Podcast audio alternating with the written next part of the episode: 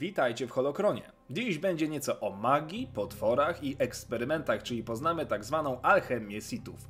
Zapraszam. Alchemia Sithów, zwana też alchemią mocy, odnosi się do wielu obszarów wiedzy Sithów. Wszystkie mają one jednak jedną cechę wspólną, czy to forma jakiejś energii, czy technika, jej bazą jest zawsze ciemna strona mocy.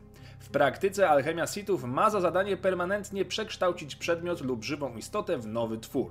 Dla członków zakonu Jedi alchemia Sithów jest abominacją i zdradą na samej mocy, ale Sithowie kierują się o wiele szerszą moralnością.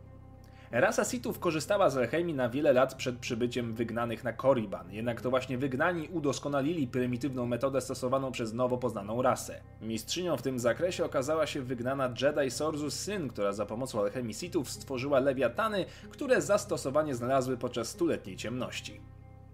Pierwotne zastosowanie alchemii miało na celu ulepszenie broni czy pancerzy. Przykładem jest tu legendarny miecz Sithów, o którym pogadamy przy okazji innego odcinka.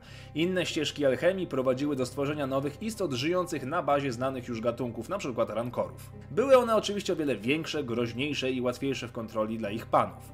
Alchemia pozwalała nawet częściowo wskrzesić zmarłe istoty w roli służaczych niewolników. Zombie Koribanu były prawdziwymi dziełami sztuki dla tych, którzy parali się tą przedziwną magią. Większość znanych i potężnych lordów Sith parało się alchemią z różnymi skutkami. Nagasado wielokrotnie pisał o sztuce alchemii i jej zastosowaniu. Sevis Va stworzył podziemnego behemota, a ślady eksperymentów nad rasami można znaleźć nawet na Jawinie 8 czy Jawinie 4, gdzie sam Exar Kun stworzył przerażające potwory. Również Darth Plagueis ze swoim uczniem Darth Sidiousem parali się niemalże zapomnianą już techniką dawnych lordów. I tutaj przerażająca ciekawostka. Według samego Sidiousa kreacja nowego ciała, czy raczej pancerza dla Lorda Vadera była po części wynikiem stosowania alchemii Sithów właśnie.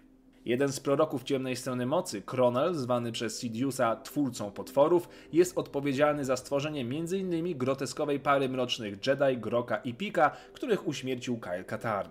Potwory pochodzące z alchemii Sithów najczęściej widziały w kompletnych ciemnościach, jednak pozbawione były umiejętności rozpoznawania kolorów. To jednak jeszcze nie koniec zastosowań magii Sithów.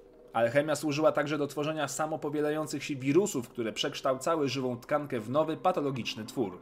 Umiejętność zwana Mechuderu pozwalała na stworzenie takich istot jak technobestie czy rakule.